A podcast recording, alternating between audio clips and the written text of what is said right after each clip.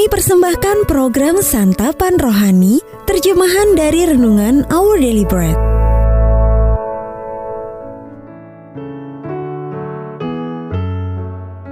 Sahabat ODB, pembacaan Alkitab hari ini terambil dari Kolose, pasal yang keempat ayat yang ketujuh sampai dengan ayat yang ke-10. Kolose, pasal yang keempat ayat yang ketujuh sampai dengan ayat yang ke-10.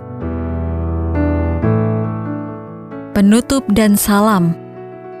Semua hal ihwalku akan diberitahukan kepada kamu oleh Tikikus, saudara kita yang kekasih, hamba yang setia, dan kawan pelayan dalam Tuhan. Ia kusuruh kepadamu dengan maksud supaya kamu tahu akan hal ihwal kami dan supaya ia menghibur hatimu. Ia kusuruh bersama-sama dengan Onesimus, saudara kita yang setia dan yang kekasih, seorang dari antaramu. Mereka akan memberitahukan kepadamu segala sesuatu yang terjadi di sini. Salam kepada kamu dari Aristarkus, temanku sepenjara, dan dari Markus, kemenakan Barnabas. Tentang dia, kamu telah menerima pesan. Terimalah dia apabila dia datang kepadamu. Ayat Mas Renungan hari ini terambil dari Kolose pasal yang keempat ayat yang ke-10. Terimalah dia apabila dia datang kepadamu. Judul renungan kali ini, Mengasihi Orang-Orang Terkasih, ditulis oleh Mike Whitmer.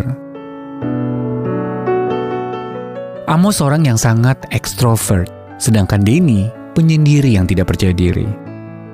Entah bagaimana kedua orang jenius dengan kepribadian bertolak belakang ini menjadi sahabat karib. Mereka tertawa dan belajar bersama selama satu dekade penuh. Hasil kolaborasi mereka kelak akan dianugerahi hadiah Nobel.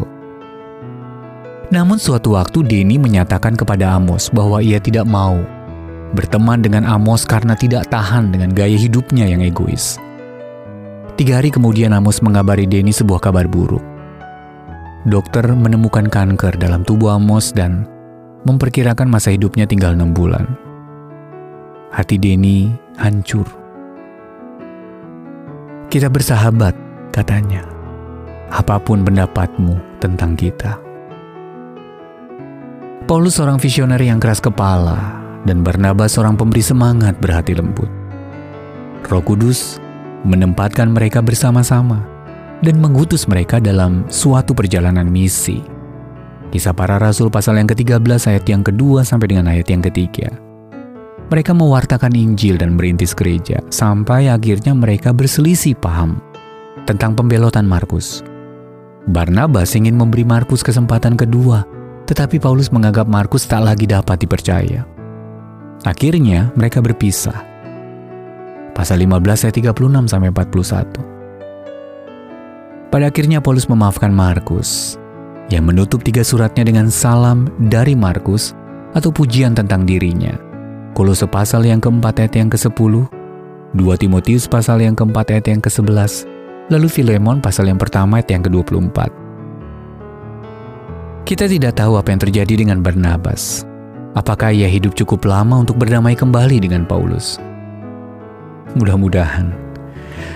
Tetapi apa pun situasi Anda hari ini, cobalah untuk merangkul kembali mereka yang pernah bersengketa dengan Anda. Sekaranglah waktunya untuk menunjukkan dan memberitahu mereka betapa Anda mengasihi mereka.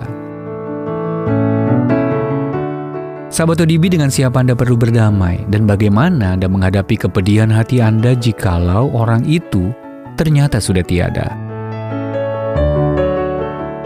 Bapak tolong aku untuk melihat bahwa salah satu tujuan dari hidup ini adalah menunjukkan kasih kepada orang-orang di sekitarku.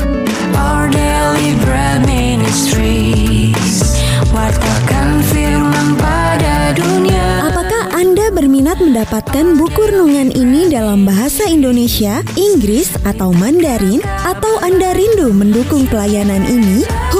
Our Daily Bread Ministries di 021 2902 8950 WhatsApp 0878 7878 9978 Email indonesia@odb.org. Tuhan Yesus memberkati.